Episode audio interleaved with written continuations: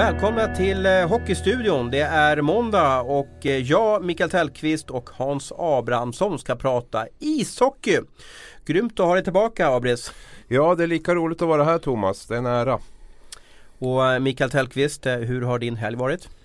Den har varit bra och jag är taggad att vara tillbaka också. Det är kul att sitta här och prata hockey och fått väldigt mycket bra feedback på just på den här podden. Så att vi fortsätter göra bra jobb här grabbar. Och feedback, det har vi pratat om tidigare här innan vi gått in i det här poddrummet. Eh, hockeyspelare och idrottsmän och idrottskvinnor i, i, i allmänhet är väldigt eh, vana med att få, få, feedback. Varför tror du att det inte funkar så i vanliga, i vanliga civila livet?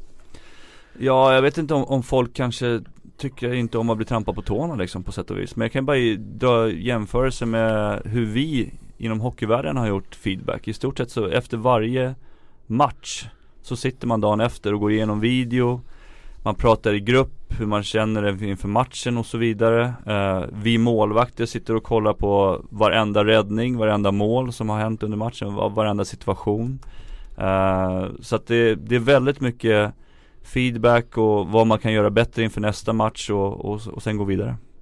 Får se vad, vad vi får för feedback av våra lyssnare. De viktigaste vi har efter det här programmet. Vi ska börja med att prata om Färjestad. Eh, klassiska Färjestad. Vad, vad, hade du för känslor Tellan när du åkte till Karlstad och, och spelade mot, eh, mot Håkan Loobs gäng? Alltså jag har alltid haft en stor respekt för, för klubben Färjestad. Det har alltid varit spännande, det har alltid varit bra matcher mellan Djurgården och Färjestad. Så att det har varit någon typ av hatkärlek att åka upp dit och, och spela i Löfbergs lila arena som det hette förr och, och sådär. Så att eh, nej, och, och, båda lagen var ju stormakter förut också. Så att det var ju alltid så en rivalitet som, som var något extremt. Eh, så att någon typ av hatkärlek och, och en väldigt stor respekt för, för klubben Färjestad har jag. Färjestad har ju gjort ett, ett eh, eh generationsskifte eller familjeskifte inför den här säsongen. Eh, Håkan Loob är borta och, och, man har bytt ut eh, hela den klassiska Värmlandsandan som fanns över den där klubben och det är nya personer på nästan alla positioner. Och nu Abrus, nu leder man hela SHL och man har två personer på topp tre i poängligan. Och de heter inte Nordström eller Jönsson eller Nygren eh, och så vidare utan de heter Mikael Lindqvist och Johan Ryn de här som är i poängligan. Vad, hur ser du på den förändring som har skett i Färjestad? Det man kan säga är väl att det kunde ju inte ha fått en bättre start än vad de fått när de ska göra den här förändringen i alla fall. Man är obesegrad så här långt. Man har gjort flest mål i, i SHL av samtliga lag och man har tappat en poäng av, av, av 15 möjliga. Där. Så att det har ju blivit en, en, riktigt bra start. Det man funderar på är det lite grann nyhetens behag eller klarar Färjestad att vara det här topplaget under hela säsongen? Mm. Sen får man inte glömma bort att de har ju två spelare på skadelistan som är rätt bra också. Alex Johansson och eh, Linus Persson också. Eh, Alex gjorde väl 32 pinnar för 15 baljor och kapten. Så att mm. de har lite sparkapital där också.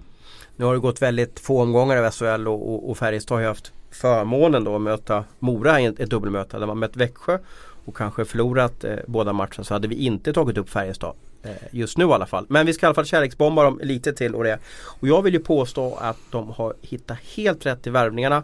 Och att de har två fungerande kedjor. Den ena med Linkvist och Dick Axelsson och den andra med, med Ryno och, Martin Johansson. Då. Det är kanske sex potentiella nästan landslagsforwards. Håller ni med om det? Ja, nej men det, det är precis som du säger. Det är de här två kedjorna som har levererat eh, två tredjedelar av poängen kan man säga och väver in Jesse Virtanen där också så har, det ju, har ju han också gjort väldigt mycket poäng. Så det är ju de här toppspelarna som har levererat i Färjestad. Två, två femmor kan vi säga som har gjort väldigt mycket av de här poängen som han har gjort. Så att, eh, och där har ju värvningarna som du är inne på med både Virtanen och Micke Lindqvist och även Dick Axelsson har ju, har ju varit en fullträff så här långt efter fem omgångar lär vi ju tillägga. Årets värvning kanske? Till och med. Ja, Micke Lindqvist. Ja, Micke Lindqvist tänkte jag ja, Micke Lindqvist, ja. Jag vet att vi pratade när vi hade ett eh, tv-program här så tog jag ju fram Virtanen och, och jag mm. tror att eh, det, du tog fram Lindqvist där. Vi stannar lite vid Lindqvist. Han spelade ju för AIK i fjol. Var en, en helt okej okay allsvensk spelare, kanske en av, av AIKs topp fyra forward.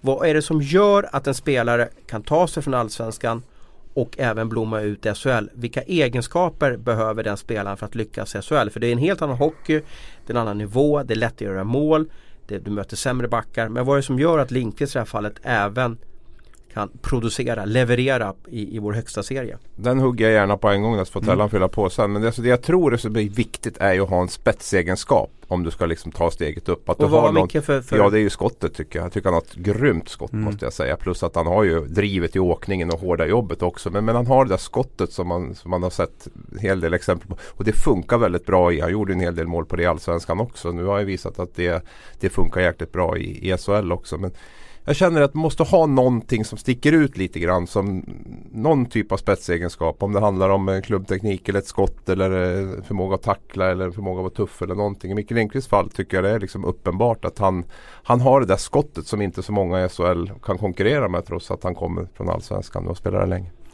Sen, och sen är det ju lite så också tycker jag att eh, man kan vara en ganska okej spelare i Allsvenskan men när man kommer upp i SHL så, så är det många som har tagit extra steg till och det beror ju inte bara på att att man spelar med bättre spelare också i SHL också. Man får bättre passningar, eh, man är ju kanske van att få mer puckar på skridskor så man behöver liksom Man får inte ut det lilla extra som man kanske gör i Allsvenskan som man får i SHL också.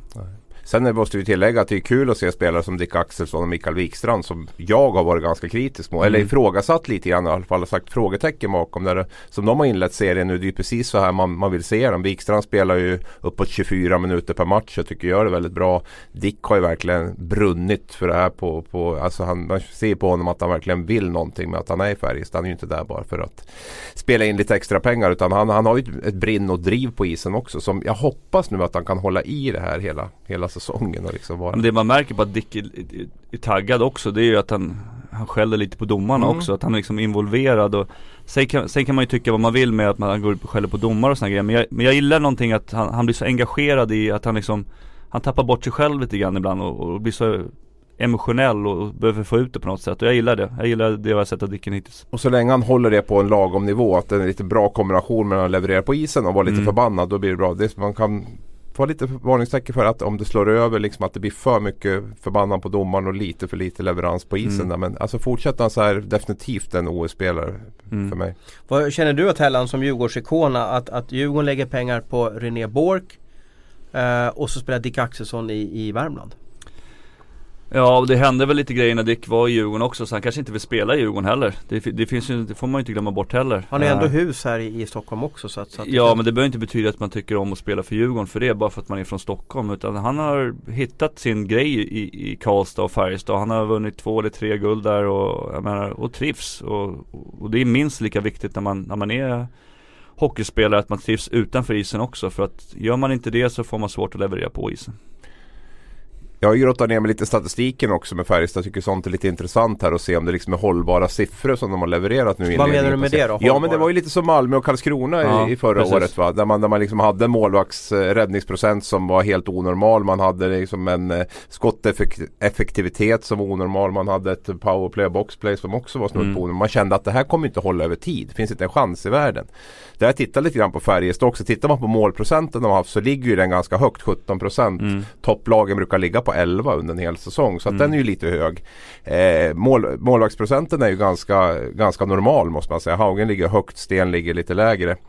Eh, powerplay, vad säger special teams, det är ju direkt svagt skulle jag vilja påstå. Mm. Liksom, man ligger på 96 och 20 totalt där på, på, på special team, boxplay, powerplay ihopräknat. Och där brukar topplagen ligga runt 110 istället för 96. Så, att, eh, så man har ju gångbara, rätt så gångbara siffror där. Eh, det som är framförallt boxplay där som är anmärkningsvärt att man ändå släppt in sex mål tror jag det är i boxplay av, Mm. av 11. Något sånt där, va? Så att man har, man har egentligen bara släppt in fem mål i fem mot fem på fem matcher. Ja, men just effektiviteten är ju fantastisk, just som du säger 17% Mm. man, Som du säger, man ligger mellan 8 och 8-10% i vanliga fall på Mm. Så det är därför man säger att man ska skjuta 40 skott så man får fyra mål men då Det har är man väl- ju, det är väl ett då har man varningstecken på så vis. 10% där. Ja, Ja. precis Vi vi stannar lite vid den siffran, ursäkta jag gillar den siffran. Eh, Och jag kan väl säga att jag tycker att den siffran tyder på att de har haft onormalt hög utdelning hittills. Det är en siffra som inte kommer att hå- hålla sig hela säsongen. Varför är inte den siffran ett bevis på att det här är ett lex Karlskrona vi ser just nu? Därför att jag tycker det finns andra saker där man kan fila på vissa saker. Om man tittar på boxplay och powerplay, eller boxplay Mm. framförallt är det väl ska vi säga. Så, så finns det ju liksom en, en ehm, potential att bli bättre där. Då, så att det är möjligt att den, den kan hjälpa till att, eh, att ta bort eh, att den kommer att sjunka målprocenten så att det kommer att, att hjälpa till att ändå stabilisera upp det där. Sen är ju Färjestad dessutom gjort fem mål i öppen bur. Det är ju 20 procent av målen har kommit i mål också i och för sig. Ja. Mm. Men om det räknas in i någon typ av skottprocent? Ja, eller? det är det jag var lite fundersam på där också. Hur det, hur det ser ut där. För det är som sagt fem, fem av deras 24 mål har kommit i öppen bur. Vad, säger du om målvakterna Tellan? Sten och Haugen? Där? de har varit grymt stabila båda två. Uh, sen är det ju naturligtvis så att målvakterna spelar som laget och kan man få full fokus på skytten som målvakt som man inte behöver bry sig om som vissa andra klubbar nu i SHL eh, har problem med. Så att kan man som målvakt tokfokus på, på pucken. Man vet om att de stora backarna framför tar bort puckarna på returer och sånt. Så blir det mycket enklare att spela också för då kan du fortfarande ta ett steg ut, du kan möta skytten, du är beredd istället för när du känner dig osäker på om backarna ska rensa returer så är det ofta att man hamnar djupt in i målet man letar på ett fel sätt, man är inte riktigt där med blicken, man blir liksom lite stirrig kan man säga så att eh, Jag tycker båda målvakterna sett riktigt bra ut och det är det är ett styrketecken som Färjestad har. Mm. Det som är intressant med Sten är att han ligger på 90,8 i räddningsprocent mm. vilket är okej okay, liksom. Mm. Inte bra. Om tittar man spel 5 mot 5 så har ju Sten en räddningsprocent på 95,38. Precis. Fem av målen har kommit Det var väl den matchen mot Frölunda där som det ramlade in lite puckar in. Det är ju en match i, i och för sig också. Mm. Är det någonting man kan tycka med Färjestad lite grann om man ska hitta någonting negativt med det så är att jag tycker att de blir lite puckstirrande ibland i egen zon faktiskt när de, eh, när de hamnar under press där nere. Däremot är det häftigt att se hur, hur de har liksom utvecklat det här spelet snabbt och ta sig snabbt ur egen zon och fylla på med mycket folk. Att man verkligen mm. kommer det här drivet. Här finns ju vissa likheter med, med HV71 start förra året och hur, de, hur det slutade. Färjestad har ju ett skickligt lag. Man ser att det är många skickliga forwards. Så när de kommer in i, i anfallszon så händer det ju grejer. Ja. Det är inte att man behöver lägga puck på benskydd och hoppas på en bra retur. Utan de kan ju spela sig till fram bra chanser och ha bra avslut. Man märker att de spelar med bra självförtroende och, och vad jag har hört nu, han Johan Penn Pennerborn har ju fantastiskt ledarskap tydligen uppenbarligen. Väldigt positivt, öppet. De har väldigt kul tillsammans uppenbarligen. De har gjort mycket saker utanför isen för att få ihop gruppen och Känner man en sån glädje hela tiden när man kommer till omklädningsrummet och känner liksom att fan vad kul det är att ha pucken, vad kul det är att passa pucken och, och alltihopa så Så tror jag att någonstans så, så kommer det räcka lång tid och långt väg. Alltså det, det, det, är häftigt att ha en bra ledare. Det är väldigt häftigt och sen är det jävligt fräscht med nya ledare också kan jag tycka. Lite kul. Jag menar det är en ny generation som kommer upp nu och har man en yngre tränare så har uppenbarligen den tränaren haft de här yngre personerna under längre tid. Så jag, jag, gillar att de får in lite nytt tränarblod också. Hur viktig är en tränare för ett lag då? Eh, ibland kan jag tycka att, att tränarens eh, eh, att han skrivs upp att han, är, att han är för viktig eller jätteviktig för laget. Jag, jag har en känsla av att tränarens roll är inte så viktig. Men jag, jag, jag, jag slänger den mot dig Tellan för du har ändå suttit i ett litet omklädningsrum i, i 17 år. Ja, nej men jag, då vill jag säga så här att eh, det är bara att kolla på, på Växjö nu med Sam Hallan. Sam, eller Växjö har ju ett enormt starkt lag på papper. Hur ska man kunna få ihop ett så starkt lag och jobba och tro på någonting tillsammans där det är så väldigt mycket skickliga individer? Det är det svåra. Han kanske inte behöver lägga ner så mycket tid på hur man ska lägga upp powerplayet eller sådana här grejer. Utan hans jobb blir att få ihop gruppen, att tro på den här resan. Att när det blir säsongslut, när det blir slutspel, att han inte har en massa trötta importer som bara vill åka hem. Mm. Att du känner, nej nu är säsongen slut, jag har gjort mina 50 poäng i SHL så jag kommer få kontrakt nästa år. Utan han måste ju få dem och liksom att och tänka på att nej vi ska gå mot guld här. Det är ju det som är ledarskapsgrejen för mig. Och hur får man en spelare då? Är det för att man ska övertyga den spelaren att hur du, eh, gör du en bra säsong så ska du hamna i NHL eller vad, vad använder man för typ av metaforer för att få en, en transatlant eller en 35-årig finländare att, att slänga sig och, och, och täcka skott och verkligen och det är ge det, järnet till backcheckingen. Det är det som är det svåra med att vara ledare. Du har ju 25 stycken individer som är alla är olika. Så det där gäller ju att sätta sig ner tycker jag med varje spelare. Det kommer ta tid. Eh, vad är du för typ av person? Vad har du för mål i livet? Vill du spela NHL eller vill du spela SHL och göra 50 poäng varje år eller vill åka bort till KL och tjäna massor miljontals pengar. Och då får jag liksom sätta sig ner och prata med dem och, och hitta triggerpunkter på varje spelare. Så är det Vil Vilken är den bästa tränare du har haft Hela? Och jag skulle nog säga uh, alltså, Det är lätt för mig att sitta här och säga att Hardy var den bästa tränaren för han trodde ju något enormt på mig. Han tog med mig i landslag och, och World Cup och alltihopa. Så han har väl haft störst impact på min karriär skulle jag vilja säga. Sen men men jag... han jobba med dig som privatperson? Han, han, han, han ja, det fanns inte dig. riktigt på den tiden. Alltså, på den tiden låter det som att jag är liksom stenåldersgammal. Men alltså man satt inte ner på samma sätt och pratade. Men på samma sätt man kände liksom att han hade förtroende för mig. Menar, vi hade ju ändå Tommy Söderström som, som första slips liksom. Han är ju hyfsat meriterad och han gav mig ändå mig chansen gång på gång på gång. Det är så man känner att liksom tränaren bakom en. Men för att gå tillbaka till frågan skulle jag nog säga att Paul Maurice, eh, gamla Carolina Hurricanes och Toronto-coachen är nog den, den bästa jag haft. Och ändå hade han och jag var tredje målvakt i, i Toronto. Hur lyfte han dig då?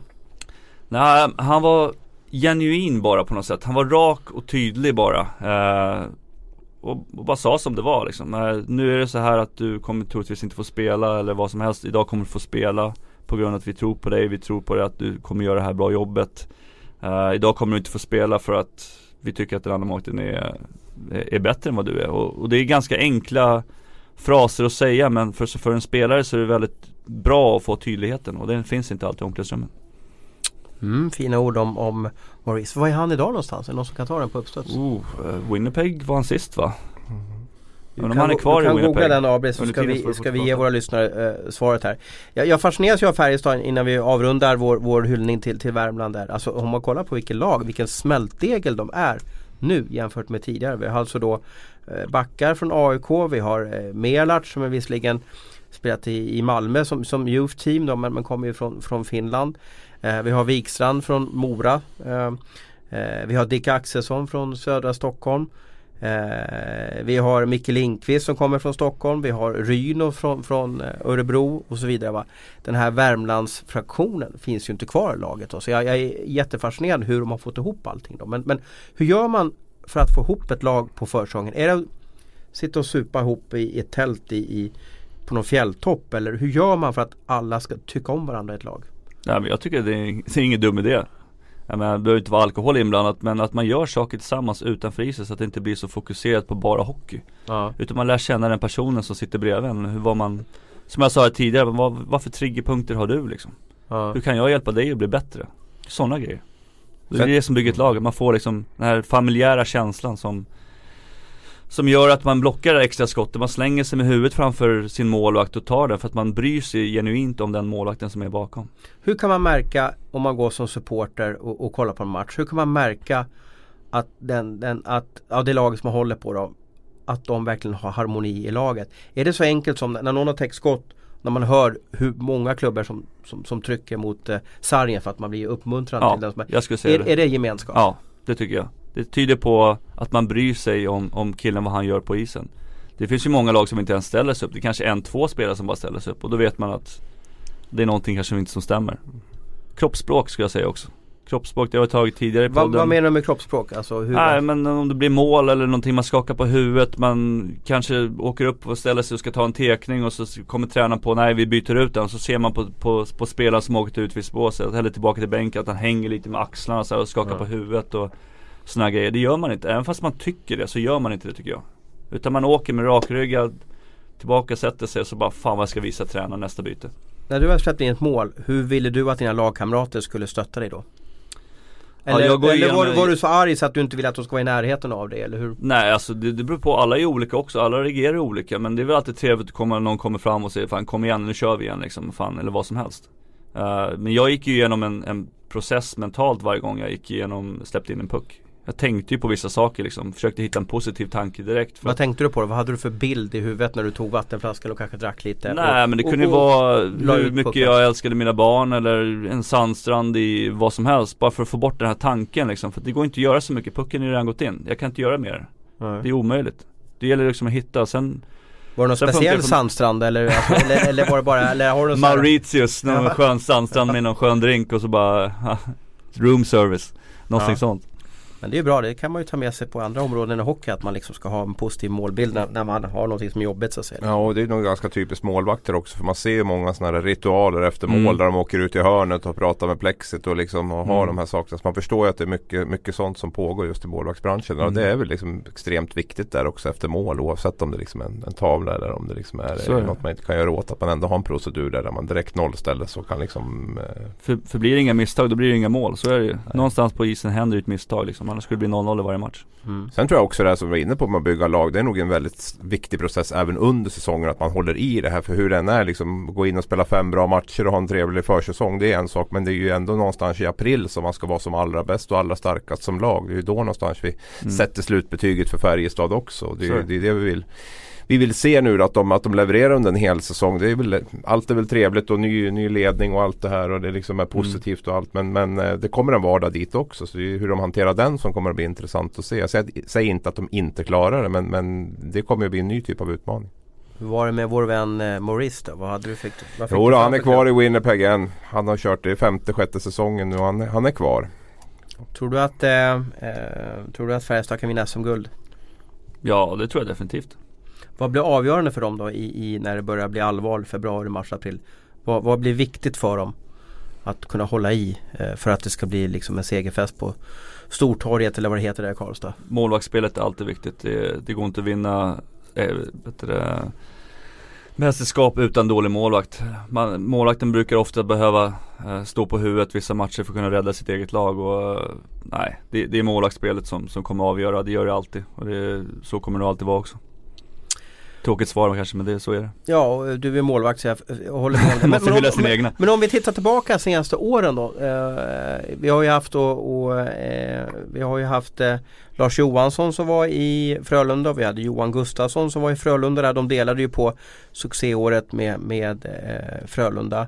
Vi hade eh, Linus Söderström, HV71. Det är inte de här jättemeriterade målvakterna som har vunnit guld sista åren. Vi hade Mackan Svensson i, i Skellefteå och så vidare. Va? Liksom då.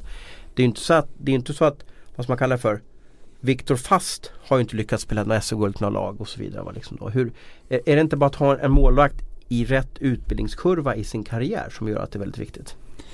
Ja, det där är svårt att svara på men eh, Alltså jag tycker ju att det, jag tycker att det är häftigt när det kommer upp nya målvakter som tar det här klivet som Linus gör nu bara från ingenstans och går upp och vinner. Alltså det, det påminner ju om sagt om min egen resa och sådana grejer. Och sen eh, Johan Gustafsson i, i Frölunda Uh, Johansson går sönder va, i slutspelet vad jag kommer ihåg. Mm. Uh, han kliver in, har egentligen inte spelat mycket alls under året och bara drivs med den här kraften och försöker vinna. Och han har ju vunnit tidigare i junior-VM så att Vissa har ju där i sitt DNA liksom att, att de är vinnare. Det, det, det går tyvärr inte att träna sig till att bli ett vinnare utan det är Vissa har det bara i sig. Ja, Nilstorp och Sten där i Växjö också. Ja. Där Nilstorp gick sönder i slutspel Precis. och Sten hoppade in och spelade en del. Och jag var inne för något år sedan, eller bara att det starkaste målvaktsparet som är mycket viktigare än att ha en bra första målvakt. Nu mm. har ju liksom Linus slagit bort det där lite förra året, Linus Söderström. Och mm. nu har vi fått in de här toppmålvakterna igen i Viktor Fast och Jonas Gustafsson och de här. Så nu, nu, nu, nu kanske det går mer åt det här att man ska ha en, en, en riktigt bra etta som, som kan stå hela slutspelet. Men för bara något år sedan så kände jag att liksom målvaktsparet kanske var viktigare än, än den här supermålvakten. Som, mm.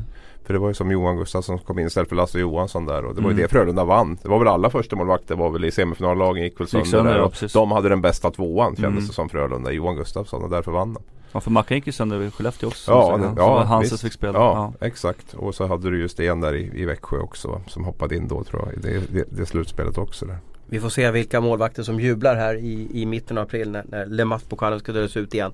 I, eh, det här kommande dygnet, i alla fall när vi bandar det här, så stänger ju NHL-klubbarna sina eh, rosters.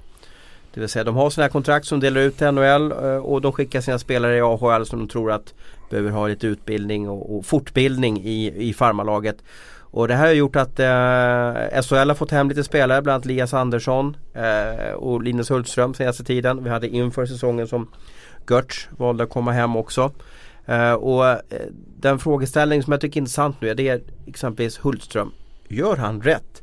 som bryter ett kontrakt igen för andra året i rad för att komma hem till SHL. Vad säger Abis? Kan man inte bara tugga på och köra där borta? Jag är av den uppfattningen att man, man måste bedöma varje fall unikt. Jag, menar, jag, jag är inte så, så att jag känner att alla spelare måste bara vara kvar där borta och försöka. Jag menar, känner man att det inte är ens att det inte är ens grej och det finns en ömsesidig uppgörelse om att bryta ett kontrakt så, så har jag liksom inga problem med det. Och jag har inga problem med spelare som är kvar i 5, 6, 7, 8 år i AHL heller och försöker att nå sin dröm eller tycker att livet i USA är, är trevligt och sådär. Så att någonstans har jag liksom någon mänsklig syn på det här. Om, om Hultström nu inte tycker att det funkar, det är inte hans grej att vara där borta. Han tycker det är skitkul att spela hockey i SHL och Djurgården. Så då är det fine för mig. Det är jättekul att han kommer hem dessutom för publiken här. Men jag, jag tänker inte stå där och döma honom och säga, liksom, peka finger och säga att det är för jävligt att inte han försöker mer och bla bla bla. Utan eh, i det här fallet så verkar det uppenbart inte fungera. Han, han mm. trodde kanske att NHL var någonting helt annat än, än det var och han gjorde, misstog sig och känner att det är SHL och Sverige jag spelar min bästa hockey. Ja, jag är lite inne på din bana också för att alla är ju individer och jag kan ju tycka För mig personligen var det viktigt att spela i NHL för att jag ville liksom spela, mäta mig mot de absolut bästa i världen men Det är ju så att Vissa trivs inte och det, och det är en tuffare klimat där borta än man jämför med, med hemma i SHL Vad är det som skiljer då? Nej, det som skiljer är ju liksom att du blir inte omhändertagen på samma sätt. Det, ingen, det kommer ingen fråga varför spelar du inte dåligt liksom. Eh, är det någonting vi kan hjälpa till med på sidan av hockeyn? Är det någonting vi kan fixa? Utan det är så här, du går ut och levererar annars byter vi ut det mot en annan spelare. För det, det är ju så att varenda NHL-klubb har väl säkert 80-90 spelare under kontrakt. Mer eller mindre, jag vet mm. inte exakta siffran men det är ju någonting sånt. Så att gör du inte ditt jobb då flyttar de bara upp en annan liksom. Sen, Om du inte är superstjärna. Ja. Och sen det jag kan tycka att man kanske bör göra en bättre scouting som spelare inför. Är det här min grej? För att prata med spelare. Liksom, inte bara tycka att det är häftigt. Oj nu kommer de erbjuda mig ett NHL-kontrakt. Jag skriver på det liksom, och så får det bli som det blir. Utan då kanske man måste kolla upp det här. Är det liksom min grej att spela där borta? Klubben lägger ändå ner en hel del kraft och pengar på att signa den här spelaren. Så mm. att det är ju ödmjukhet mot dem så bör man ju också med respekt mot dem så bör man ju ungefär veta lite vad det handlar om. Och då kan man ju kanske prata med andra spelare och liksom få en bild av vad NHL är där.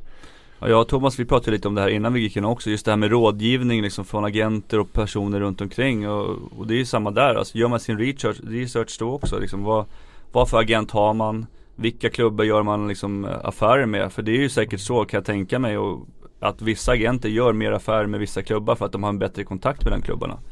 Passar jag in hos de klubbarna? Och sen eh, hade jag en annan grej också, jag vet inte om jag ska ta det nu, men jag gick in på Sikos hemsida och kollar vilka agenter som finns i Sverige och det är inte jättemånga med NHL-bakgrund faktiskt. Eh, nu har ju Per Svartvard precis börjat vad jag fattar det som. Det är väl han som jag liksom hittar i stort sett. Sen finns det typ Radek Hammer, spelade 11 matcher 93-94.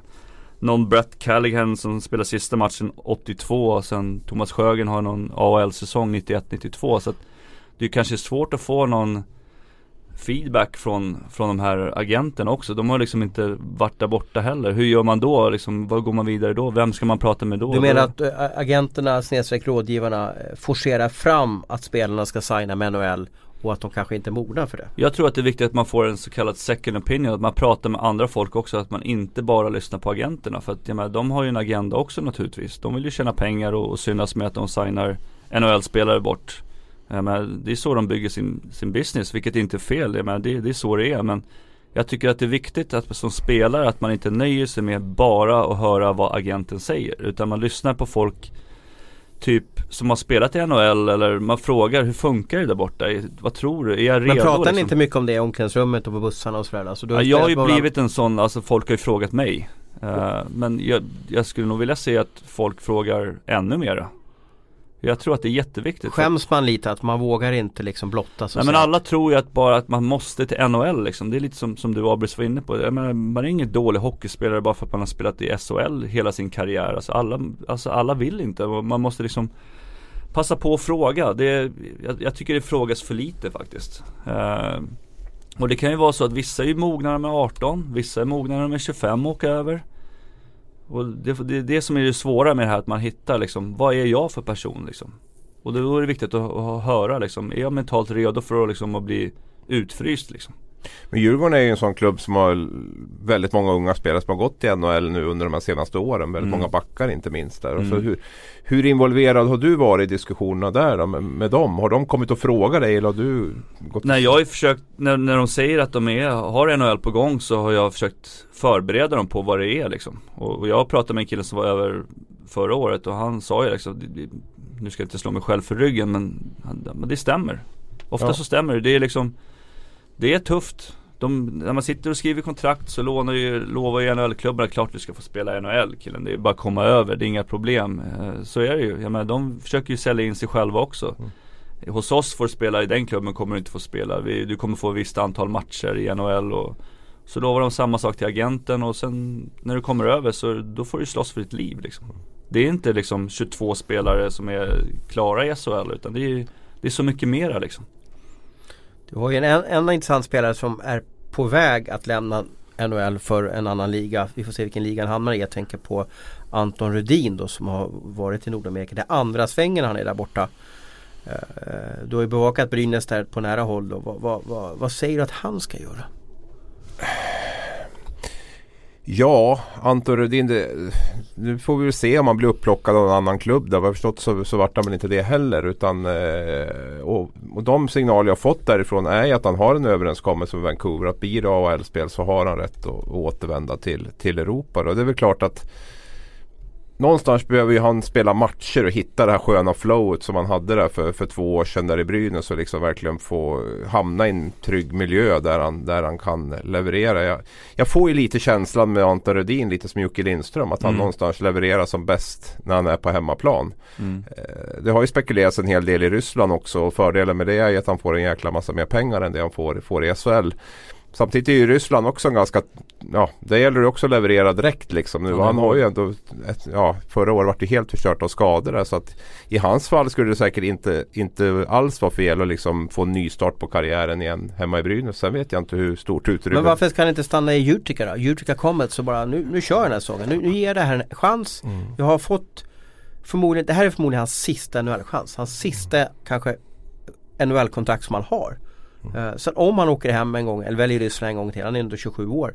Han kommer inte få någon ny chans som jag ser det. Så jag, jag, om jag skulle vara honom så bara, ja men kör hela året, nu ger jag det här min chans. Alltså. Mm. Sen kanske han är väldigt OS-sugen och vill hem till Brynäs eller, eller KHL på grund av ett, ett, ett OS. Jag vet inte om han är tillräckligt bra för det. Om, om, om hans förmåga är så att han verkligen slår ut de här bästa från KHL och, och Schweiz och, och Jocke Lindström och Oskar Möller. Han måste ju upp på en ganska bra nivå för att kunna ta en plats i ett svenskt OS. Men det som vore intressant vore ju veta om vad Vancouver tycker, om, han, om de tycker att han är liksom på gränsen eller om att han är långt borta från att komma upp på rosten. För jag menar, är han nära att slå sig in då skulle jag stanna kvar. För jag menar det är ju, det är skador. Men säger de inte så till honom för de vill ju att han ska stanna. De vill ju inte att han ska spela i, i i Lada Togliatti eller Severestal eller, ja, eller Brynäs det, det, Man kanske säger så här att vi har någon trade på gång. Vi vill att du åker ner och spelar några, två veckor så fixar vi en trade. Alltså det finns ju sådana grejer också, sådana med Vi vill göra plats för dig men just nu så finns det ingen plats för dig.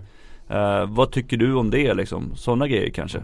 Det spelar säkert in. och det man ska säga med Rudin också är att han har gjort den här AHL-svängen i två år och det förstod, tyckte han inte det var Det var ingen, ingen riktig grej för honom. Så att han är väl Han vet ju vad det innebär att spela i AHL också. Mm. Han har ju gjort det. Det är inte att han åker hem direkt nu om, man, om det skulle bli så. Men du tror inte att man skulle, om man skulle få en sån här tidsfrist Om du säger så här, vi, vi försöker trada om två, tre veckor Vi ger dig två, tre veckor ner i AHL jag menar, Skulle man inte nappa på det? Helt övertygad om att ja. han gör det. Hans ja. dröm är ju att spela i NHL. Ja. Men han har ju valt bort liksom spel i Ryssland och, och KHL och ganska bra pengar där och ett riktigt bra kontrakt i Brynäs också. För att han vill verkligen gärna ta den här chansen. Så, så att jag är definitivt övertygad om att Får han de signalerna så blir han kvar och kör på där en stund till. Det är jag helt övertygad om. Det är det som är lite svårt för oss också när vi diskuterar alla de här fallen. För vi vet ju inte dialogen Precis, mellan klubben nej. och spelaren. Där. Man, därför är det svårt att säga exakt vad de ska göra. Men alltså, mm. är det som du säger Tellan du ligger på gränsen. Vi tycker att du behöver ha lite matchträning nere i AL. Komma in i spelet här och, och så tuff säsong förra året. Och så, så. Men, men vi tror på dig på sikt. Ja men det är väl klart att han, att han ska vara kvar. Jag tycker inte mm. det är någonting att fundera på om man tycker att, det, att livet i övrigt är uthärdligt. Nej det känns som en no-brainer. Det skulle jag också gjort faktiskt. Och kämpa på lite tag till där, om det är så. Det, det som är intressant i det hela och det måste man ju liksom väga in att här, här har vi Anton Edin som har varit firad SHL-stjärna. Det vill säga han vet om hur det är att vara uppmärksammad i SHL. Han ha, hade säkert en väldigt bra lön i, i, i Brynäs och så vidare. Så honom blir det tyngre att hamna i AHL om man exempelvis jämför med, med han eh, Hägg Robert Hägg i Philadelphia. Jag, ska, jag, måste bara kolla lite snabbt hur många matcher han hade i Farmen innan han nu då, som vi förstod nattens uppgifter, så han alltså äntligen fått ett kontrakt i 250 eh, någonting tror jag Hägg hade va? Om ja, han har tänkt på. Precis, AHL, 202 matcher i AHL 202. står det här. Ja. Mm. Uh, han har alltså gett järnet där borta i flera år och nu får han äntligen mm. uh, Nu får han äntligen belöning i alla fall. men det, är också då Hägg Vi ska se hur många SHL-matcher han hade. 77 stycken, gjorde 7 poäng.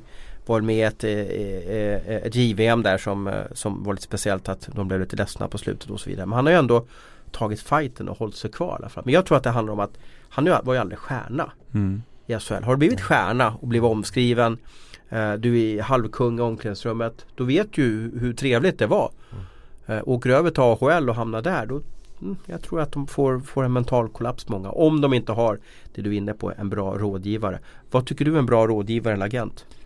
En bra rådgivare är som ger båda sidorna på myntet skulle jag säga. Att uh, allting är inte alltså, gröna skogar liksom, så är det. Och jag skulle gärna vilja se att man har liksom gjort resan själv också på något sätt.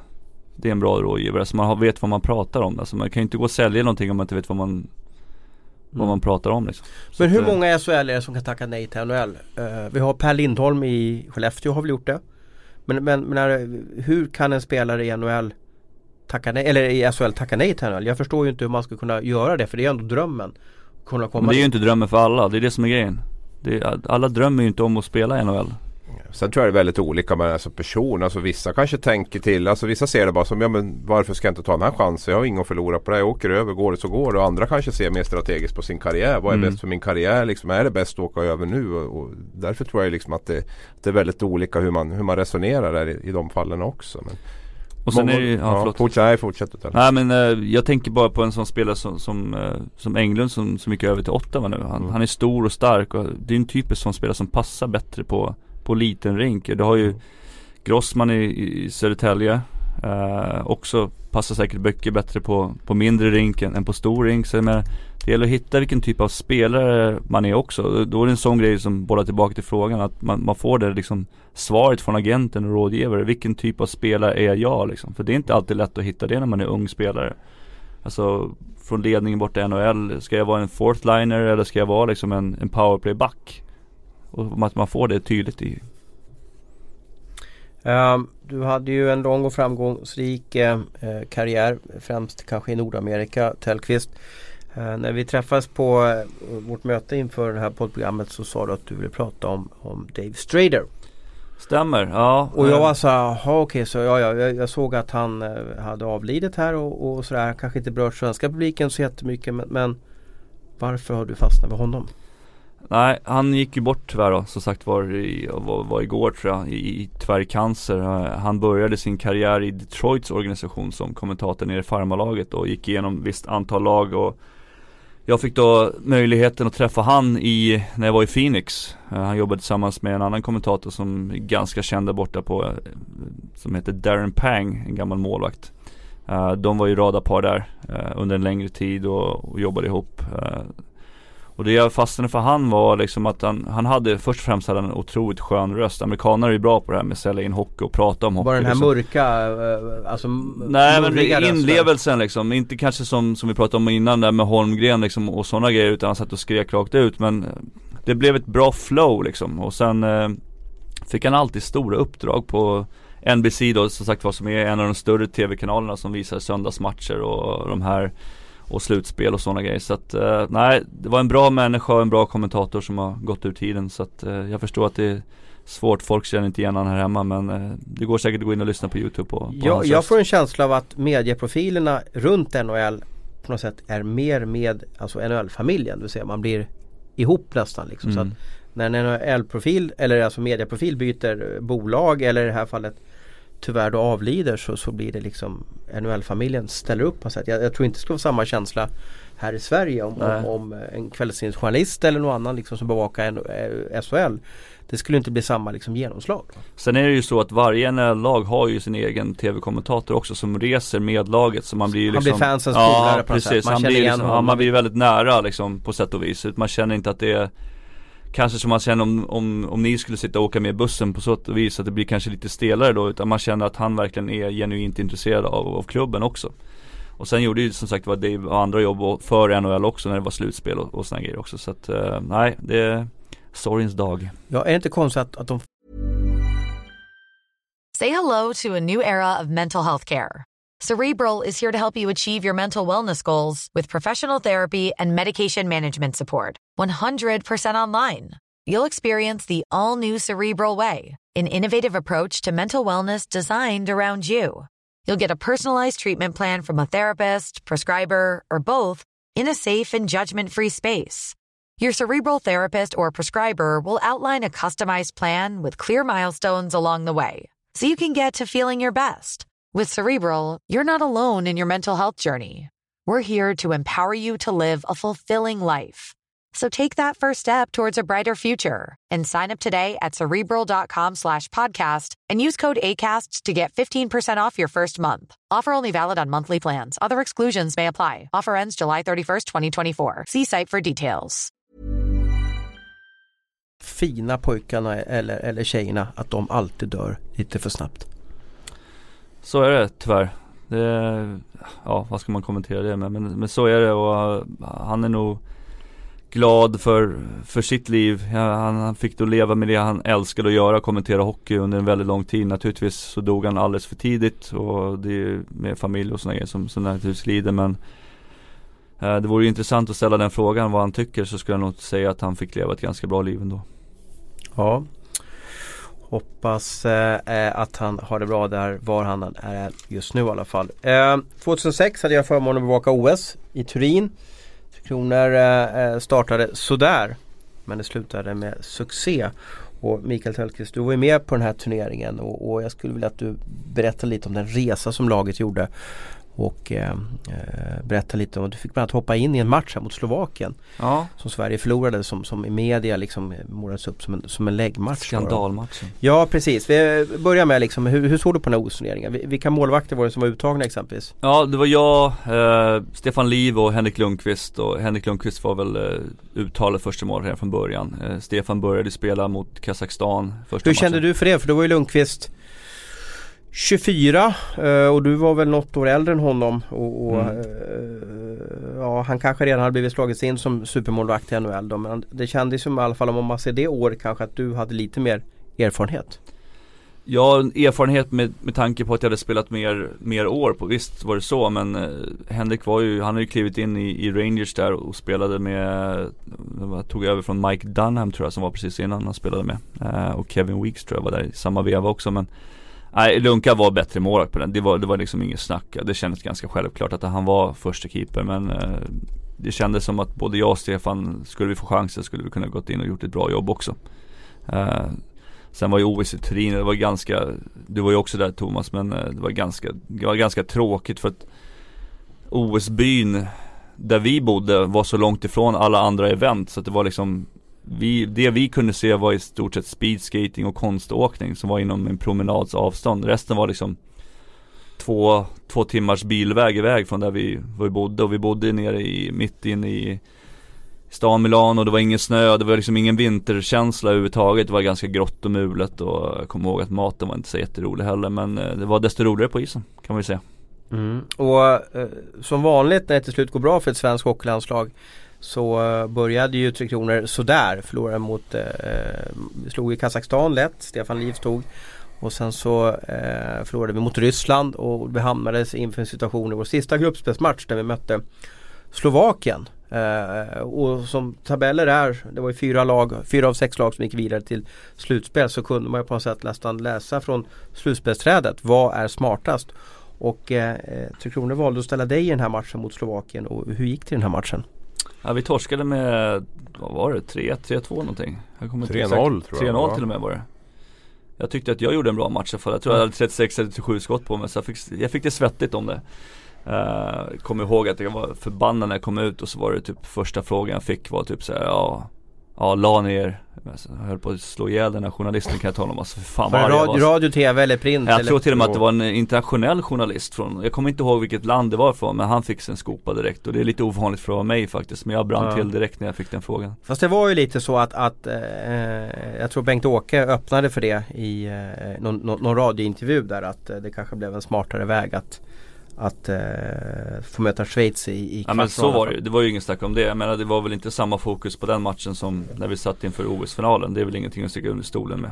Men eh, Det var kanske fel att ställa frågan till just Tellqvist bara då, som hade stridit som ett djur precis, där det hade varit värre om det var ju din chans där liksom. Ja precis, min, min enda OS-match också så här. Men det är så här, eh, nej men det hade varit skillnad. Jag förstår om folk hade ifrågasatt min insats i alla fall om det hade varit 7-8-0 liksom mot Slovakien. Men nu var det ju 2-0 ganska länge har jag för mig och sen vart det mål precis i slutet av, av, av tredje att det blev 3-0 också så att eh, Jag är nöjd med min insats, de andra får svara för sin egen insats tycker jag. Jag, jag kan inte ta, ta, ansvar för det men det, det vart ju bra till slut ändå. Frågar om det var en läggmatch? Om jag frågar dig i mixade Tellqvist. zonen där. Nej, jag frågar Tellqvist nu i efterhand om det var en läggmatch. Ja var det en läggmatch då? Nej, inte för min del i alla fall. Jag gjorde det jag kunde för att, eh, för att freda målet. Det, det kan man nog gå in och kolla på. Vad är en läggmatch då Abres då? Vad är det för något? Ja, det är väl om man inte går in och gör sitt bästa och inte, inte vill vinna där. Var det inte Peter Forsberg som var ute och kommenterade där på något sätt? Var på, och vart väl i SVT på något sätt och, och nämnde väl Antydde väl att det var det och det var väl någonting han fick ta tillbaka sen också. Så därför har det varit ett jäkla liv om det där. Och, Fast det måste ju vara självklart. Det spelar väl ingen roll vilken nivå man är på, vilket yrke man har. Är man inte Vet man att man redan är klar för någon typ av vidare nivå eller att man har månadslönen är klar och man som säljare ska åka ut till någon, någon ny kund och vet om att min provision är den inne den här månaden. Eh, eller i det här fallet att man ska ut och spela match som gör att man antingen kommer två eller tre i en grupp men ändå vidare till kvartsfinalspel. Är det inte oerhört svårt att mentalt förbereda sig på att ah, nu ska jag käka puck? Jo men så, det var som jag sa tidigare men det var stämningen och fokuset när vi skulle spela OS-finalen jämfört med matchen mot Slovakien var ju naturligtvis olika. Det är väl det jag tycker jag kan Hur säga. känner man det i liksom. ett omklädningsrum då? Du, ta oss till omklädningsrum. Hur, hur märker man som spelare att det är jäklar, nu är det taggat här inne? Det som man märker är väl just att eh, man, man är fokuserad, det är inte så flamsigt på sätt och vis. Sen är ju vissa spelare flamsiga och drar skämt och såna här grejer. Så alla har ju olika liksom preparationer. Men man märker någonstans att det är liksom Det kan vara bara när man tejpar klubban eller hur man knyter skridskorna. Man känner själv personligen att fan idag är jag på G liksom. Idag är ett bättre fokus. Är man inte riktigt där på fokus så kan det vara liksom att man liksom tejpar fel på benskydd. Man får göra om tejpgrejen på benskyddet fyra, fem gånger för att man sitter och tänker på någonting annat istället. Man sitter och tänker på vad man ska käka för mat efter matchen eller vad som helst. Det är väl bara för att vara konkret och liksom och, och gå in och specificera någonting så. Eh, Jag får en känsla av att om det är tyst i ett omklädningsrum att det är fokuserat. Men det, det är kanske min lekmannabedömning. Ja det kan vara nervöst också. Om man ser för många springa på toaletten, det är ofta nervöst. Det är Men är det bra tecken, det dåligt tecken om många, många springer på toa? Det beror på hur man kan hantera nervositeten. Vissa klarar ju av att ha- att hantera sin nervositet och på annat sätt. Och sen, sen när vissa blir nervösa då blir de ju pratiga istället och flamsiga. Så att det, det är jättesvårt. Det är så individuellt att säga liksom. Men eh, jag, jag tycker att det är nästan jobbigt om det blir för tyst. Liksom. Jag vill att det ska, liksom, stämningen ska upp lite grann. Liksom. Sen behöver man inte runt och skrika och gorma heller. För då blir det bara, till slut så blir det bara löjligt liksom. Hur fungerar du i omklädningsrummet där Tellan? Eh, Ett lite snabbt sidospår här. Jag vet att vissa målvakter säger man hej till dem inför en match. Mm. Så nästan att, de, så att spelaren får en utskällning eller att det kommer en yxhugg med, med, med målvaktsklubban. Är du kontaktbar inför en Var match? inte Norrarna så förresten? Man fick inte prata bara på matcher. Det är någonting jag har hört. Ja men Man många liksom- målvakter har jag Han förstått gick det runt med hörlurar hela dagen och så liksom var det någonting Henrik Lundqvist är väl inte heller så verbal på matchdag tror jag. Nej men han, han, Victor han, han väldigt blivit bättre också, faktiskt. Lundqvist har blivit ja. bättre när han blivit äldre liksom så här. Men Men hur, hur, hur var du då? Nej jag var nog ganska som, som vanligt. Jag var Försökte vara, slappna av så länge som möjligt fram till puckstart i stort sett och sen, sen slänger man vissa tankar på hur jag ville Framstå för, för mina lagspelare och sådana grejer. Liksom stå rakryggad och, och sådana grejer. Eh, men eh, annars var jag nog ganska mycket som vanligt. Men sen när pucken släpptes då var det 100% fokus. Sen fortsatte ju den här OS-resan. Det blev till slut final mot Finland och eh, Sverige vann, vann med 3-2 efter ett mål på förlängningen där, där våra kanske tre största hockeyspelare genom tiderna var, var, de var inblandade i det här målet och det var Lidström som sköt pucken. Eh, Forsberg och Sundin var med och assisterade. Mm. Direkt i tredje perioden ska Mm. vi säga så vi slipper bli bombade här med. Ja, Ja inte i förlängning. precis. Det kändes som att det ja. var nästan förlängning Ja, för det var som så. sista målet där. Ja. Bra korrekturräddning Tack. där i alla fall. Var ni båda på plats förresten? Eller?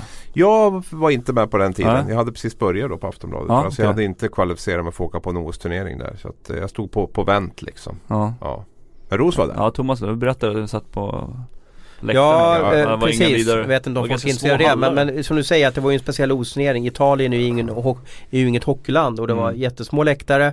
Och jag, jag satt på en typ av ståplatsläktare och såg den här matchen. Upp ett hörn. Och, och ja, jag, jag tror jag såg långt där borta när, när Lidström dunkade in pucken där i, i var det klubbkrysset eller, eller plockhandskrysset? Kommer du ihåg det Tellan? Ja, no, högt upp var det i alla fall. åttan, men Ja. jag har för mig att det var Klubb, klubbandskrysset klubb, va? klubbandskrysset måste det vara. Ja, Ja, ja. eh, Nittmäki var det va? Antero Nittmäki var det inte Ja, det? inte helt hundra men det var högt Jo, upp i alla det, fall. Det tror jag Eh, och jag såg det efter, knappt efteråt och sen var det ju, ja det var ju liksom hysteri efteråt. Det var små, små omklädningsrum, det var små eh, korridorer som spelarna gick i. Så det var inte, det var inte liksom om man som, som mediamänniska ska liksom tycka att det är trevligt och, och eh, jobba så var det kanske inte den trevligaste arbetsmiljön där nere. Eh, samtidigt Sverige vinner ett OS-guld, det är kanske vår största hockeyframgång genom tiden också. Ett OS-guld är ju större än ett VM-guld. Med proffs också ja. Ja, OS-guld 94 med amatörer eh, kan inte smälla lika högt som ett OS-guld med, med proffsen då. Så hade vi våra tre största i min hockeybok som var med och liksom gjorde det här sista avgörande målet i alla fall. Eh, hur var festen då? Ja, ja. ja, magiskt skulle jag säga. Ja, men börjar ju med liksom att vi går in i omklädningsrummet och firar och har oss där och sen på något sätt så kommer det ju fram då att förbundet har inte bokat något flyg hem. De har inte bokat någon, alltså Sergels torg, de har inte bokat någonting. Alltså Sudden fick ju ta tag i det där och jag vet inte riktigt hur konversationen gick men det, rätt fort så fick vi i alla fall flyga hem dagen efter. Uh, för vanliga fall så brukar ju förbunden, de brukar ju chartra och fixa sådana här grejer så att det är klart. Men eh, det var ingenting fixat vad jag fattar det som utan de hade väl bokat någonting i Italien den, den kvällen vi skulle gå på och Det var fira. en restaurang bokad vet Ja jag, precis, det var liksom det som var tanken för att de flesta skulle ju åka tillbaka till NHL och vissa Precis. fick ju göra det också. Mm. Uh, Sedinarna tror jag fick åka tillbaka och Modin var tvungen att åka tillbaka också, Fredrik Modin. Så att eh, alla kom ju inte med tillbaka till Stockholm men, Men eh, hur kom ni till Stockholm? Gick alla NHL-killar och slängde in varsin tusenlapp och så flög ni hem till Stockholm? Eller? Nej jag tror förbundet tog den notan Okej. faktiskt. Det, det kändes som att eh, Sudden, utan att veta exakt, men kändes som han hotade med någonting säkert. Så att det var fixat och sen hamnade vi på, inte Sergels torg men på Medborgarplatsen tillsammans med, med dam, damkronorna. Det är ju klurigt där med OS också för vad hade hänt om, om det hade vunnit Sochi liksom? Hade man kunnat styrt upp någonting då? Det var ju planet lyfte ju bara timmar efter finalen där Mm. till, tillbaka till NHL. Så att, och det var ju lite samma situation nu att NHL-spelarna skulle ju tillbaka till, till Nordamerika. Det var ju det som var bestämt. Mm. Det är skillnad mot VM när säsongen verkligen är slut Mm. efter finalen. Ja. Här är det ju liksom tillbaks till vardagen direkt igen.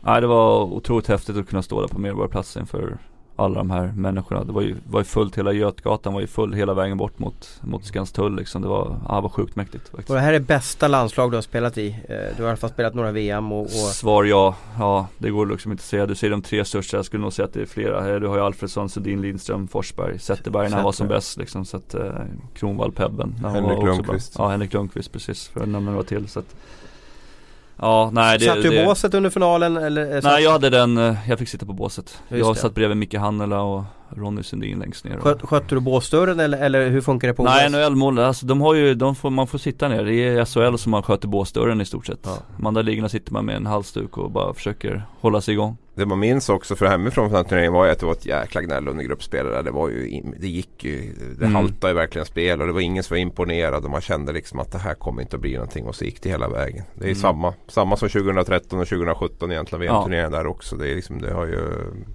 det har varit många suckar under gruppspelarna där de här gångerna man har gått hela vägen. Ska man gå tillbaka ännu längre så var det väl den 0-0 matchen mot Italien va? På 90-talet var det likadant innan Mm. Dolfino, Ja, målvakten Dolfino precis stod på huvudet. Ehm, eh, vi har fått lite läsarfrågor och de måste vi ta upp för att eh, ni som lyssnar på det här ni är de viktigaste vi har och det är därför vi sitter här och, och pratar ishockey. Eh, Gustav Nordlöv frågar på Twitter eh, Abris, är det rätt av Växjö att tokvärva? Han tänker då på eh, Noah Welsh och, och den här forwarden som kom in här i helgen också. Jag vet inte om det kan liknas med att tokvärva då, men Nej men de har ju förstärkt laget väldigt tidigt. Växjö är ju tydliga med att de går ju, det är, det är guldet som räknas för dem och det, det, det är det de satsar på under säsong. Nu är man förvånad att Evertsson så tidigt går in och värvar så, två pass tunga namn som man ändå måste säga att det här är. Han brukar ju vänta lite längre och se lite grann vad det behövs mest. Då. Men, men eh, nej men eh, det är väl, de, de kändes lite tunna truppen ändå tyckte jag Växjö innan även om man har ett bra lag. Så att det, är väl, det är väl bra om man ska gå hela vägen och dyker de här spelarna upp nu så är det väl lika bra att slå till då. Så har vi Bacchus, Bacchusman. Det är så intressant med de här namnen som finns på sociala medier. Jag undrar varför, han använder inte sitt eget namn för. Det är ju jag, är lite svårt. Han kanske heter Bacchus Bacchusman också får man ju tänka på att det, det, alla, alla heter ju inte Nils Andersson eller Håkan Eriksson. Eh, han funderar på Kalin, eh, tränaren i Mora var ju kritisk till spelschemat att Mora spelar två matcher på två dagar. Eh, är det bara bjäfs eller eh, ska man inte kunna klara av att spela två, två matcher två efter varandra? Jag tycker det är kul med back-to-back. Det blir lite känsla. Förhoppningsvis så händer någonting första matchen så att det blir liksom en sån rivalitetsgrej. Jag gillar det. Det är, det är så korta resor i Sverige så jag tycker inte man kan sitta och gnälla på det faktiskt. Och så- och så- Eh, Speciellt inte Karlstad-Mora. Nej, alltså, som, som, som tränare alltså. också. Och tränare och gå ut och säga en sån sak. Det sänder ju också en signal till gruppen att Mm. liksom det, det är jobbigt. Det är liksom okej ungefär att vi torskar den andra matchen för det var så tätt mellan matcherna. Så att även om man kan tycka det som tränare så, så, kan jag, så ska man inte säga det. När började andra matchen? Började rätt sent eller började den på eftermiddagen direkt eller? Söndagsmatchen börjar ju 14.00. Ja, och de Ja. hade sen lördagsmatch. Ja. Så att det är väl klart att det var väl lite Ja, så. det, det kanske inte var Men det är ultimata. 20 mil igen, det är 20 mil Ja, och vi har, ju sett, vi har ju sett mycket värre liksom, eh, lag som har tvingats eh, transportera sig mycket, mycket längre dagen efter för, Mm. för att spela den här matchen. Som här back-to-back grejerna har ju Och, och igen det här med, med eh, bara att slå fast, vi har pratat om publik eh, hit och dit och hur vi får lockar åskådare till arenorna men det var alltså över 7000 i Löfbergslila Mm. på en 14.00 match på en söndag. Så man kan nog fundera på kanske att de här tidiga söndagsmatcherna kanske är ett sätt att, att få dit en ny publik. Ja Ja, framförallt om man gör som Färjestad och satsar Ja. på en riktig familjedag. För Mm. det, det vet man ju själv som när man har småbarn så är det ju liksom perfekt tid liksom en söndag och kunna gå dit med barnen. Om man verkligen satsar på aktiviteter runt det och bygger det. För det första man kan tänka sig 14 en söndag är bara liksom att den matchtiden är inte lätt att sälja ut. Men tänk man ett varv till som Färjestad gjorde nu och liksom gör en familjedag av det så, så kan det ju bli någonting väldigt bra. Jag tror också på det. här. Jag tror att man ska titta över tiderna Mm. faktiskt. Även kanske till och med på vardagarna. Jag vet att i Stockholm så kanske det blir problem om matchen skulle börja sex liksom. Men det, det är ju inte ett Stockholmsproblem utan jag menar det finns ju många andra orter som Som inte har samma trafik och sådana grejer som, som Stockholm har. Så att jag Jag skulle nog vilja se lite förändring just på grund av att man skulle få dit mycket mer familjer. För att Mm. vi som har småbarnsfamiljer, jag menar skulle matchen sluta halv nio istället för halv tio, det är en jätteskillnad. Mm. Det är mycket lättare att få dem i säng och sådana grejer. Så Absolut. Hampus Tore vill att vi pratar om Edvin Hedberg. Lite kort, någon får gärna fånga den, den pucken. Ja, jag gör det gärna. Jag såg ju den matchen där i lördags och det var ju, ja, det är ju, det är ju en grymt spännande spelare måste jag säga med, med Mm. den farten och det skottet som han har. Så han hade ju lite, lite julafton där mot Malmö faktiskt och bomba in tre mål bakom Alsenfelt där. Eh, Det är en sån här spelare som man har väntat på något sätt kanske att det ska klicka i och kugga i det där sista på något sätt. Då. Och det är möjligt att vi får se det den här säsongen. Jag tycker han har egenskaper som gör honom jäkligt intressant. Tänk vilken resa han har gjort med dopningsavstängningen ner till Ja. eh, Zagreb va, om jag minns rätt och sen Mm. Kom tillbaka, halka tillbaka. Det känns som att eh, Rögle tog han liksom, ja ja vi, vi, vi chansar och sen nu kanske han kommer spela sig in i någon Eurohockey Tour turnering här också. Jag var faktiskt nere och såg han i Zagreb där. Jag tyckte att han gjorde det bra där också. Han Mm. hade ganska stort förtroende där nere av, av tränaren den säsongen jag var nere där. Eh, Mer än vad Jämtin hade. Och, ehm, nej, det, det, det, det ska bli intressant att följa. Både From och han spelar ihop där i Rögle. Och den kedjan var liksom det här man kan sakna med Rögle. Liksom det här att det, Det var en fantastisk match, alltså jag satt och kollade Mm. på den också. Jag, naturligtvis så Som målvakt så led man ju lite grann men alltså vad kul det var. Ja. Se 15 mål alltså det, det är häftigt på något sätt och det Och jag menar det var ju inga dåliga mål heller. Det var ju nej, liksom det var Rögles så här- mål var ju liksom Nej, highlight-mål varenda sex grej. stycken var ju så här riktigt fina mål. Uppe till Ja. krysset och var Eh, lite snabba svar nu Abris. Ja. Eh, det är från vår vän Bacchus, Bacchusman här. Eh, En känsla av att han håller på Brynäs. Vi, vi får se. Eh, kommer Brynäs behålla Micke Johansson? Eh, tveksam. Hur länge, eller klarar Liljevall att sitta i frysboxen länge till innan han drar? Nej, Du tror att han kommer ut på marknaden snart? Eh, ja, jag tror att det kan bli, bli en, en tidsfråga kanske innan han eh, börjar titta sig om efter. Samtidigt vet jag inte hur het han är riktigt på marknaden. Han sitter med ett tvåårskontrakt med Brynäs så att han, eh, han har ju inte någon dålig sits rent så. Men, eh, men eh, han behöver ju börja spela lite mer än vad han har gjort nu och ehm, Tillbaka kanske? Det tror jag inte. Nej, det, han vart ju ratad där från Rögle. I Rögle, Ja. nej. Utan, så det, det är väl mer vad det finns för alternativ då. Som sagt han sitter med Tysk- tvåårskontrakt. Jo, men han, eh, ja vi får se vad, vad han hittar där. Men, men eh, han har ju haft problem att, att, att kugga i. Skridskoåkningen blir ju ännu mer, bristen på skridskoåkning blir ännu mer tydligt skridskostarkt lag som Brynäs. Vi har en till Rög- Röglepucka som du får fånga Tellan. Eh, handlar om målvaktsbiten. Vad kommer Rögle göra nu med, med Pogge och, och Kruse och, och den här finska målvakten de värvade in till den här säsongen? Hur löser man det här? För nu gick ju Kruse in och vann en match. Mm.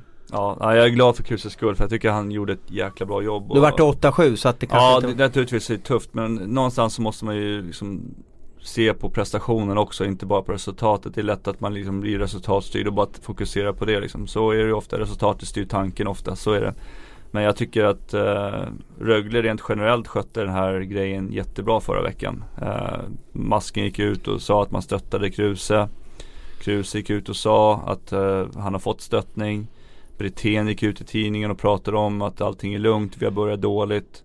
Och så gick man ut och vann en hockeymatch på det. Så det är så här klassisk krishantering och jag tycker det är superbra skött av Rögle. Vi gav dem lite skit förra veckan men eh, någonstans är det någonstans Har ju lite tur att de vinner också måste jag säga faktiskt. Hade de torskat ja. den, oh, då hade det inte varit roligt. Nej det är klart men tur förtjänar man, så är det. Jag, menar, jag tycker ändå att det är liksom de bjuder, offensivt så bjuder de upp på en härlig hockey och det är, någonstans så måste man ju börja och, och vända på det här negativa grejen som har börjat liksom. Och, varför inte börja där? Jag tycker jag blir lite fundersam på Rögles försvarsspel. Ja förlåt, vi tar Ursäkta, den du måste gång. svara på frågan. Ja. Hur löser man det här med Kolpanen 25 år, ja. eh, finsk målvakt, eh, småskadad just nu, eller i alla fall skadad. Eh, vet inte ens om man går på om man är på is eller hur illa det är med huvudet där. Har vi Kruse 22 år, eh, kommer från Hockeyallsvenskan. Vi har Justin Pogge som har spelat i Nordamerika och, och Karlskoga. Hur, hur... Jag var som en politiker, duckar försvaret. Ja, men hur löser man det? Det är naturligtvis jättesvårt. Jag tror att Kruse kommer hamna i kläm där tyvärr. Men kan man ha tre målvakter på en träning och det funkar för de tre målvakterna? Ja de är ju tvungna för jag vet inte vilket allsvenskt lag han, om det skulle bli så, vem skulle han bli utlånad till? Finns det något annat lag i närheten som man skulle vilja ta han då några matcher och, och, och göra, göra så? Men hur funkar det, med Kolpanen och Pogge ihop då? Ja, mitt, tips, för... mitt tips är nog att eh, Kolpanen när han kommer tillbaka, om han kommer tillbaka, får se sig om efter en ny klubb. Det är vad jag tror. Jag tror att de kommer köra med Pogge och Kruse. Har de råd att köpa ut honom? Har de råd att ha kvar honom tänkte jag säga. Har de råd att ha kvar honom? Det är väl mer det. Så jag är tveksam till det. Jag tror nog att eh, de säger åt agenten att det här vart ju totalt misslyckat. Liksom. Jag övertygar inte speciellt på försäsongen och så gick han vart skadad. Du får, du får leta en ny klubb och, och ge oss en hyfsad deal på det där. Eh, Men tror du inte han kommer mjölka då? då? Det ja det vet man inte. Absolut, absolut. Det är svårt absolut. att kolla liksom. Nu ja, får man ju visst, hoppas visst. att det inte Men så han går, väl ändå in, han går väl ändå in om man säger att han inte spelar med den här säsongen så går han väl in i, i um, försäkringsbiten där efter tre månader i alla fall. Så mm. då borde väl Rögle klara sig utan det i så fall. Mm. Men jag har väldigt svårt att se att man kör vidare med Kolpanen och Pogge om jag ska Mm. Spännande. Bra tugg i, i, idag gubbar och eh, vi har slagit nytt rekord. Vi har aldrig varit så här korta som den här gången. Så vi kom upp till 63 minuter så att eh, nu kan vi ta en extra kaka till kaffet. Tack för att ni var med idag.